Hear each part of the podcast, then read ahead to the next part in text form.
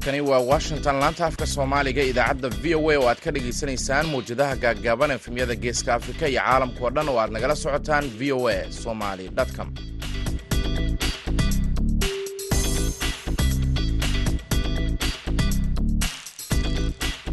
Waa maalin axada koob iyo tobanka bisha sebtembar sannadka labada kun iyo labaiyo labaatanka. Afrikada bari saacaddu waxay tilmaamaysaa kowda iyo barka duhurnimo idaacadda duhurnimo ee barnaamijka dhallinyarada maantana waxaa idinla socodsiinaya anigoo ah maxamed bashiir cabdiraxmaan.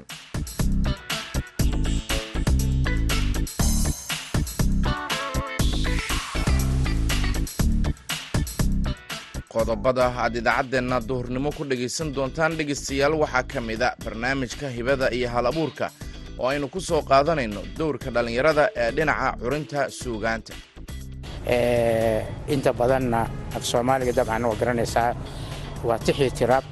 Marka dadna tixda ayay hal abuur ku leeyihiin oo hibadooda xaggaasay xigtaa oo waa dadka gabya geeraarada ama qaybaha kala duwan ee suugaanta qaybta maansada la yidhaahdo ama tixda la yidhaahdo ayay wax ku corayaan.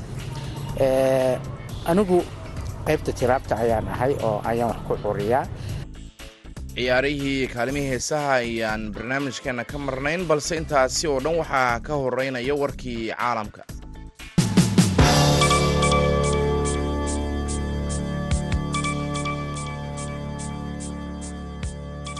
Dadka reer sweden ayaa axadda maanta ah bilaabay codaynta doorashada sharci dejinta taasi oo u gogol xaaraysa dowlad garabka midig ah oo ay taageerayaan kooxaha midigta fog ama in markii saddexaad oo toos ah uu xisbiga talada haya ee social democrats uu ku soo laabto hoggaanka dalkaasi.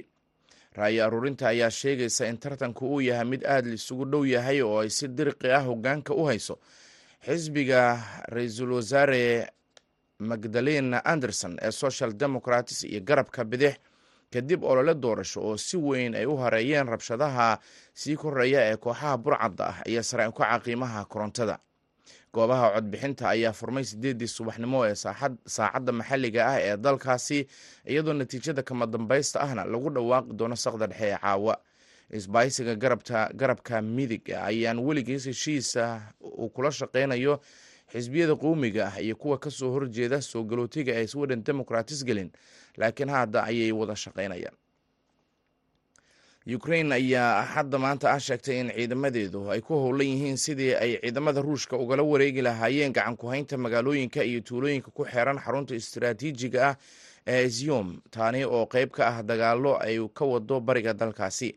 Ciidamadeennu waxa ay galeen kubianisk dib u xoreynta degmooyinka kubianisk iyo isyom ee gobolka kharkiif waa ay socotaa ayaa militariga ukrain uu ku sheegay warbixin guud oo xadda maanta uu ka soo saaray xaaladda dagaalka oo galay maalintiisii laba boqolaad tan iyo markii ruushku uu weeraray dalkaasi. Dagaalka ukrain waa dadaalka ay ukrain ku doonayso inay meesha kaga saarto ciidamada ruushka ayaa waxa uu keenay in ugu yaraan soddon magaalo iyo tuulooyin ku yaalla gobolka bariga ee kharkiif ay dib ula wareegaan ciidamada kiyef militariga ayaa bayaanka ay maanta soo saareen ku sheegay in ilaa laba kun oo kilomitir oo isku wareeg ah ay ukrain ka qabsatay ciidamada moscow maalmihii la soo dhaafay. Ruushka ayaa markii hore waxa uu sheegay inuu xoojinayo gobolka kharkiif balse sabtidii ayuu ku dhawaaqay in ciidamadiisa uu dib uga soo guranayo halkaasi uuna geenayo gobolka koonfureed ee donesk warkii dunidana dhegeystayaal waa naga intaa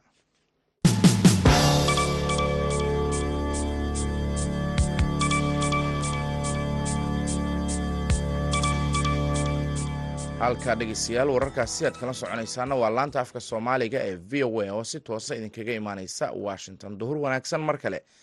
Haatanna waxaad ku soo dhowaataan barnaamijkii hibada iyo hal abuurka waxaana noo diyaariyey khadar maxamuud xareed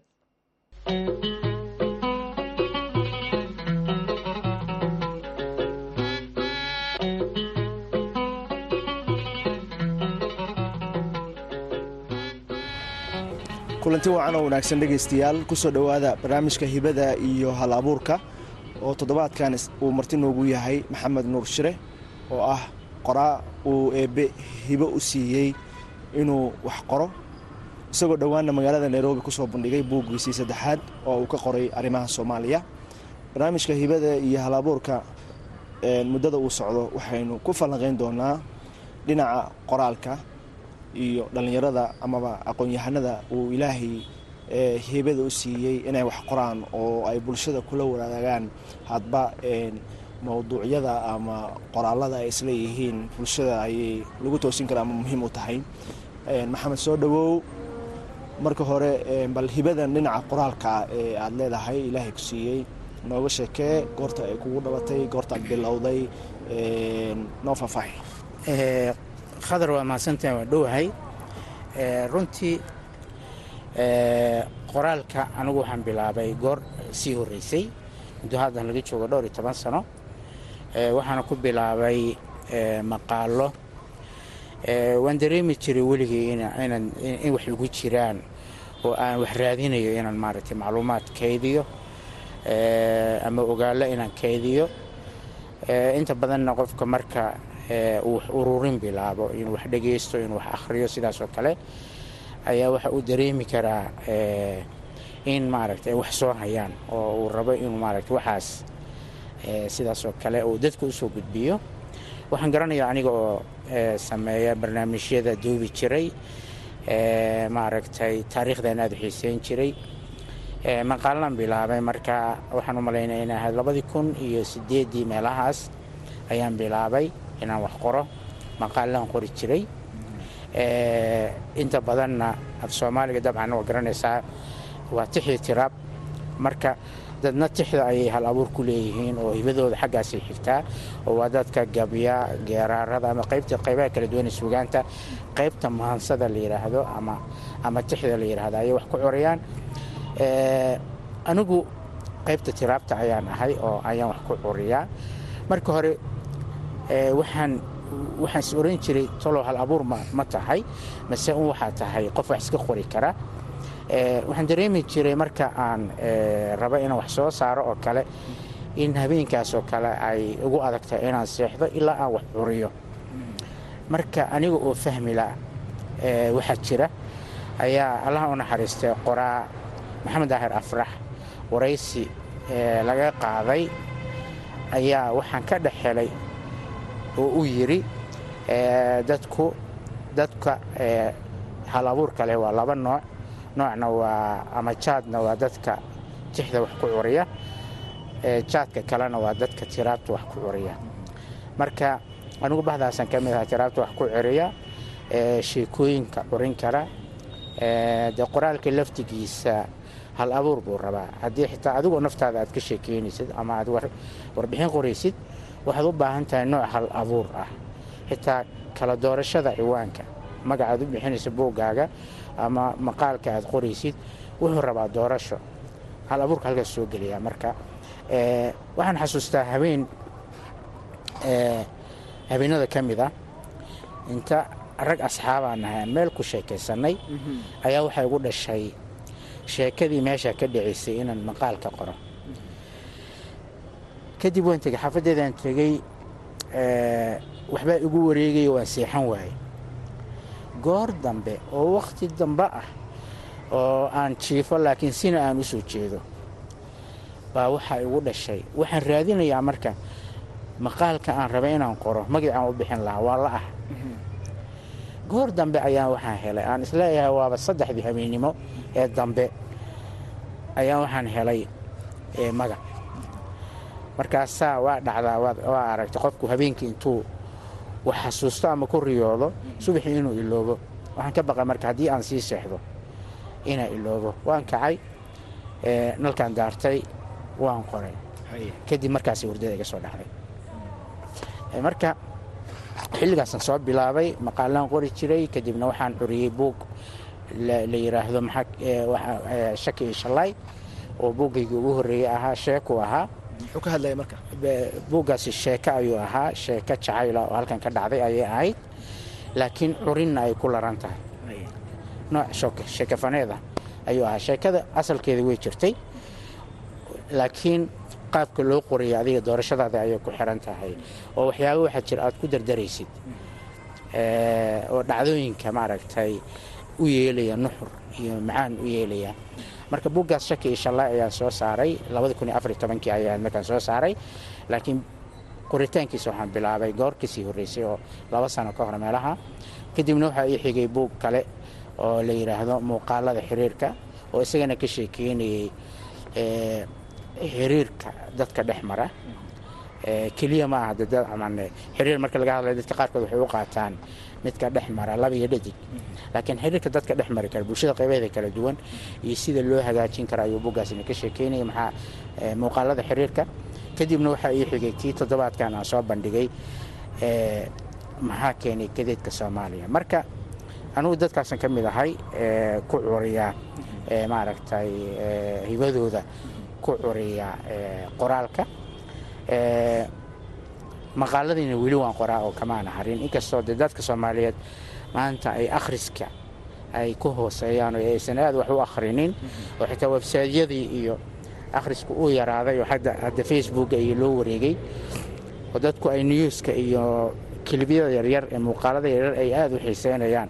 Haddana weli maqaaladiina waan qoraa bugaagna waan soo saaray kuwo kalena waan soo wadaa. Markii maxamedow aad bilaabaysay inaad wax qorto ama uu kugu dhashay fikirkan halabuurka qoraalka markaad bilaabaysay ka waran marxaladihii aad wajahday maxaa la kulantay? Runtii aniga oo jeclaa inaan wax qoro muddo dheer xilligaa xitaa ka hor ayaa markii aan bilaabay qoraalka waxaan xasuustaa aniga oo raba wax badan ay iga guuxayaan inaanan gudan karin wixii aan rabay inaan wada sheego oo igu soo yaraanaysay waxaan xasuustaa maqaal baan qorayaa aad u kooban.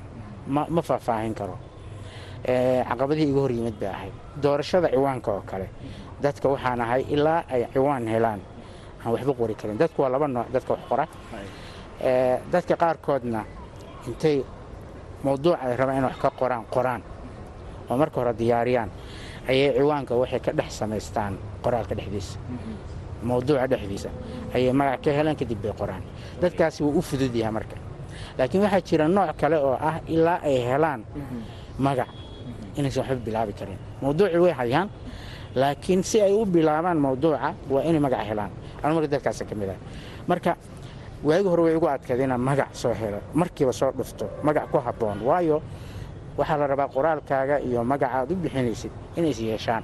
Boqolkiiba macnaa aad isu yeeshaan si qofka ilaan waxaad leedahay waa sidii tusaale ahaan adiga oo dukaan ku dhegsaday ku dhegsaday bood ku dhegsaday oo leh dukaankan waxaas waxaasaa lagu iibiyaa. Marka qofku markuu akhriyo dee wixii buu kaa rabaa. Haddii kale de waa hungoobaya soo sidaa daraaddeed tanna waa sidii oo kale haddii maqaalkaaga ama buuggaaga magac u bixisid waxa gudihiisa imaanaya ee ku jira mawduucyaduna waa inay hoos yimaadaan magaca meesha ku qoran. Marka waagi hore waa igu adkayd in aan magac isla markiiba soo dhufto.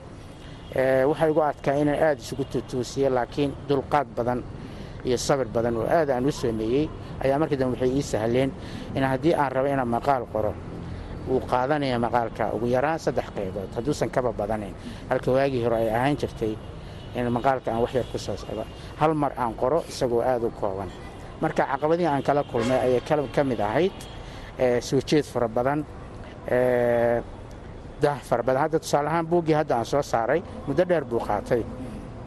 Dhexdiisa intii aan ku jiray ayaa waxaa dhacday in buugaag kale oo anigu aan qoray oo hadda kuwan hadda aan sheegay ay ka mid yihiin shaki iyo shallaa iyo muuqaalada xiriirka kan intii aan waday bay soo baxeen. Sidoo kale ardadii anigu aan tababaray intii aan buuggan qoraalkiisa ku dhex jiray ee xirfadda qoraalka aan baray ayaa intii aan buuggan qoritaankiisa ku jiray iyagu wax qoray oo buugaag soo saaray. Marka nooc waxay rabtaa xoogaa dulqaad ah. Marka qaarkood waa quusanaysaa waxaad is leedahay wixii way dheeraadeen oo ma wadi karaysid. Qofka sidaasoo kale ama caqabadahaasoo kale wajahaya adigu aad ka soo gudubtay ee doonayo inuu wax qoro. Siduu ayuu dhibaatadaasi uga gudbi karaa. Anu waxaan is leeyahay kow waa horta inuu jiraa rabitaan qofka dhinaciisa. Qofka raba inuu wax qoro waa inuu rabitaan horta jiraa. Waa inuu xiise jiraa. Hadduusan xiise jirin haddee waxa weeye wixii ma wadi karaysid.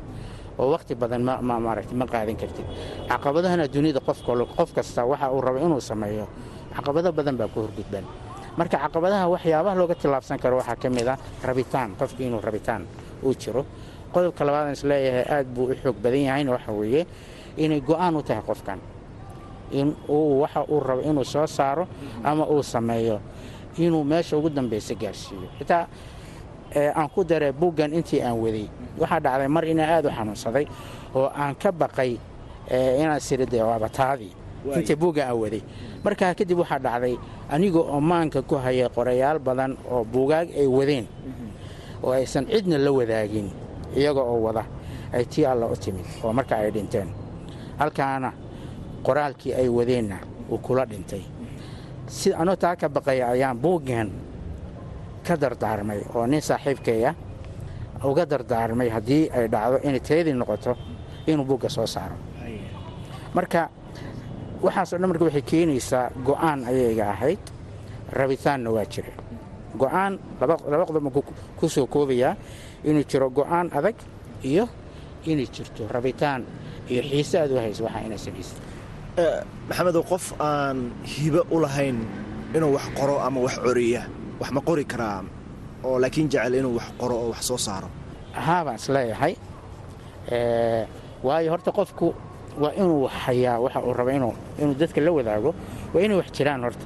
Qof hadduusan isagu waxba haynin dee waxba ma qori karo dhanka kalena waxaa raa inaa idhaahdo qof aan waxba haynin ma jiraan. Ugu yaraan qofku wuxuu wax ka ogyahay naftiisa. Waxaa jira qisooyin qofku uu la nool yahay. Ayaa jira.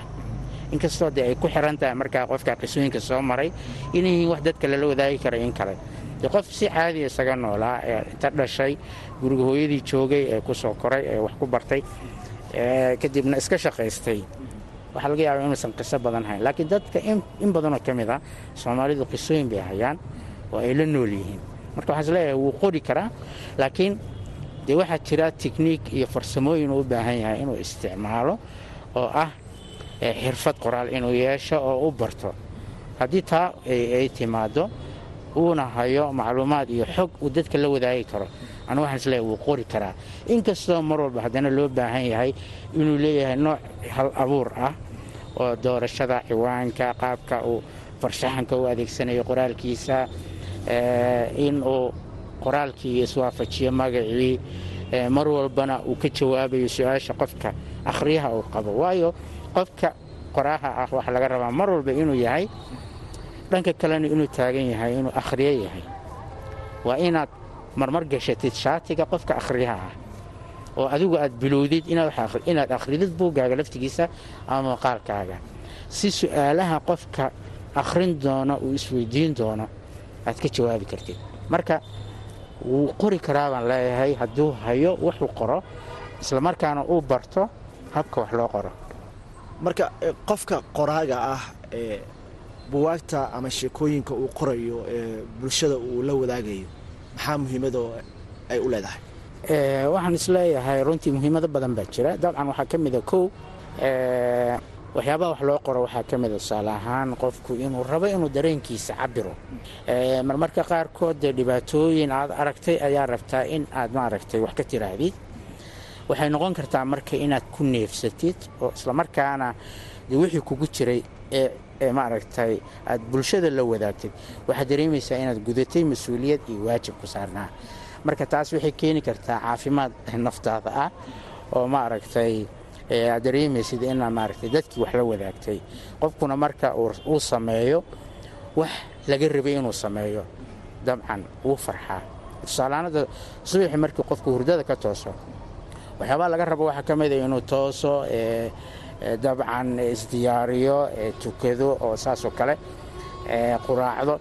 Mid walba marka waa caqabad gaara oo goonideeda ah. Mid walba marka aad samaysid oo isdiyaariso waa farxaysaa laakiin ka waran haddii wixii lagaa rabay dhan aad ka seexatid waxaad dareemaysaa de maalintaas culays baad dareemaysaa. Marka waxyaabaha ugu badanoo laga heli karo waxaa ka mid a qofka horta inuu nafiso ayaa ka mid ah waxaa ka mida dee inuu bulshadii la wadaago xog ama aqoon inuu la wadaago. De taasina waa mas'uuliyad qofka uu dareemayo inuu bulshada wixii wanaagsanna u iftiimiyo wixii aan wanaagsanaynna uu bulshada uga digo. Marka taasina dee waa ma og tahay waa mas'uuliyad qofkii is leeyahay waa iska riday. Sida dee qofku marka uu waajib laga rabay uu guto tusaale ahaan in waalidkiisa u samafalo oo kale. Marka uu guto uu farxaya. Tusaale ahaan halkanaad joogtaa waalidkaa laga yaabaa inay meel kale joogaan. Markaad la xiriirtid iyo markaadan la xiriirin waa kale farxad badan tahay. Marka waxaan is leeyahay waxa ugu weyn oo laga heli karo waa relief qofka oo naftiisa culayska uu dareemayo. Dhanka kalena waxaa laga yaabaa dee haddii bugaagtaasi ama qoraalladaasi ay ay suuq helaan oo u socdaan inuu nooc dhaqaalaha ka samayn karo iyadana waa suuragal. Marka faa'iidooyin badan ayuu leeyahay qofku in uu bulshada u gudbiyo waxa ka dhex guuxaya ama aqoonta uu hayo. Waaya maxamed aad baad u mahadsan tahay wakhtigaada qaaliga ah ee barnaamijka. Waxaan kaloo iyana rabay maxamed inaan ku weydiiyo maxay ku kala duwan yihiin qofka wax ku curiya tixda iyo qofka wax ku curiya tiraabta? Dabcan labadu waa hal abuur laakiin waxay ku kala duwan yihiin tixdu dabcan waxaa la samaynayaa xarafraac tusaale hadalkaagu waa in noqdaa nooc israacraacaya oo xarafraac leh. Tusaalahaan xaraf baa ku soconaysaa dee buu leeyahay qaab noocaasa u soconaysaa. Marka tixdu waa waxaynu naqaano de waynu naqaanaa suugaanta qaybta tixda ah. Gabaygaa ka mida geeraarkaa ka mida jiiftadaa ka mida buraanburka oo qaybta dumarka tiryaanbaa ka mida waxaa ka mida guruuga ka mida masafo ayaa ka mida. Qaybahaasoo dhan ayaa tix la yidhaahdaa. Marka taasi waa xarafraac xarafka haddii aad ka leexatid wuu jabaya oo waxaa imaanaya wax la yidhahda deelqaaf baa imaanaya. Laakiin tiraabtu waa hadalka hadda aan sheegayo oo kale oo isagu uma baahna inaad xaraf raacdid. Waa hadal caadiya oo qubano ah laakiin isagu laftigiisa u baahan dee in qaab qurux badan loo dhigo. Waxayna ku xihan tahay farshaxanka sida afka loo kala badiyo sida maaragtay sheekooyinka loo kala curin karo. Soo ma arag dad marka ay kuu sheekaynaya iyagoo hal wax wada haya. Sheekada qaabkay u dhigayaan aad kala jeclaysanaysa qofna waxaad jeclaysanaysaa maanta oo dhan inuu arrin adigu aad ogta kaaga sheekeeyo. Qofna waxaa laga yaabaa inuusan gudan karin. Marka haddaan soo ururiyo waxay ku kala duwan yihiin tanna xaraf baa la raacayaa waa suugaanta qaybta la yidhaahdo qaybta tixda la yidhaahdo suugaanta qaybteeda tixda la yidhaahdo weeye oo u baahan in xaraf la raaca maanta oo dhan oo miisaan gaara dee. Baa loo sameeyey waxbaa laga qoray. Aqoon-yahano soomaaliyeed wax ka qoray. Marka miisaan la raacaya baa jira oo aan laga leexan karin. Tan laakiin waa qayb tiraab la yidhaahdo oo hadalka hadda caadiga aan ku sheekaynayno oo ayaa ayuu noqonaya marka saasay u kala duwan yihiin tixda iyo tiraabta. Ama suugaanta qaybteeda tixda ah iyo qaybta tiraabta ah hadalka caadiga ah.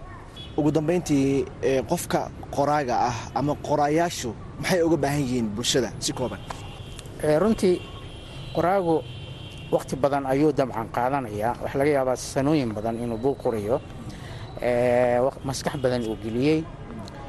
Islamarkaana kharash badan uu geliyey inuu buug soo saro waxa marka uu bulshada ka rabo waxaa weeye kow horta waxaas uu dadka la soo wadaagay inay ka guddoomaan oo ay akhriyaan. Waayo buuggan de dad baa loogu talagalay ama qoraalkan dad baa loogu talagalay. Haddii uusan dadka dadkii aysan fariintii uu rabay inuu gudbiyo aysan gaaraynin dee waxay noqonaysaa nooc tacab khasaara marka wuxuu u baahan yahay bulshada in ay arkaan wixii qofkan uu u soo gudbiyey islamarkaana ay akhriyaan oo ay maaragtay saa uga guddoomaan dabcan iyaguna wixii feedback ah ama falcelina oo buugga wixii ka khaldan ama qoraalka wixii ka khaldan iyo wixii toosina. Ilan waa hawl bini aadan bini aadamku waxa uu qabto boqolkiiba boqol inaysan ahayn baa laga yaabaa. Isla markaana dadka laftigooda siday u arkayaan way kala duwan tahay tusaale ku siinayaan buuggan hadda intii aan waday maadaama wakhti dheer soo qaatee maxaa keenay gadeega soomaaliya? Waxyaabihii dhacay waxaa ka mid ahaa intii uu socday qaybo ka mid ayaa waxaa uga sheekaynaya markaan ka hadlay tusaalahaan cutubka ka hadlaya sida aysan soomaalidu waxba ugu kaadinin aysan wakhti u siinin nidaamka markaa jira oo ay u badbedelaan ayaa waxaan ka sheekeynayey tusaale ahaan wixii carto ka dambeeyey labadii kun dowladihii soo maray madaxweyne kasta intii ra'iisul wasaare u magacaabay. Marka xilliyada qaarkood marka ra'iisul wasaarada magacoodan sheegay madaxweyne hebel wuxuu magacaabay ra'iisul wasaare intaasoo ra'isul wasaare saddex ra'isul wasaare tusaale ahaan. Intii aan buugga waday ayaa waxaa dhacday marka ra'isul wasaare qaarkood inay dhinteen. Buugga qaybtiisa hore marka kuma soo sheegin oo waxaa laga yaaba inaanan soo oran allah u naxariista sababta way noolaayeen. Laakiin markii dambe taftiirka ugu dambeeye marayay ayaa qofkii ila saxayay markii ugu dambeysay waxa uu yidhi dadkii horeba waa soo tiri maaragta allah u naxariistay kuwan maxaa u oran weyd markaas ayaan dib uga daray. Waayo qofka hadhuu akhrin doono waxaa laga yaaba inuu is yidhaahdo waayo looga tegey sabab noocee ah looga tegey? Laakiin wuxuusan ogeyn waxaa laga yaaba buuggan dadkan inay noolaayeen markii la qorayey kadibna uu saa ku soo baxay. Marka marka dadku waa hagaha ama waa macalinka waxaan oran karaa akhriyuhu waa macalinka qoraaga iyaga maarag si ay marka u toosiyaan qoraagii waa inay akhriyaan. Marka waxaan is leeyahay waxa ugu badan uga baahan yahay qoraagu akhristayaasha waa inay akhriyaan wixii uu u soo gudbiyey si ay dhiirigelinna ugu noqoto. Aad iyo aad. Aad iyo aad baad umahadsanta maxamed. Adaa mudan guud ahaanna intaas ayaan ku soo gabagabeynayaa barnaamijkii hibada iyo hal abuurka oo toddobaadkan idinkaga imaanaya magaalada nairobi. Tan iyo intaynu barnaamijka lamida ku kulmi doonno nabadgelyo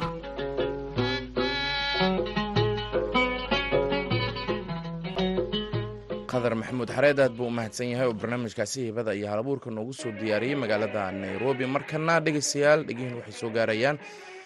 Waa heystan uu noogu luqeynayo axmed naaji sacad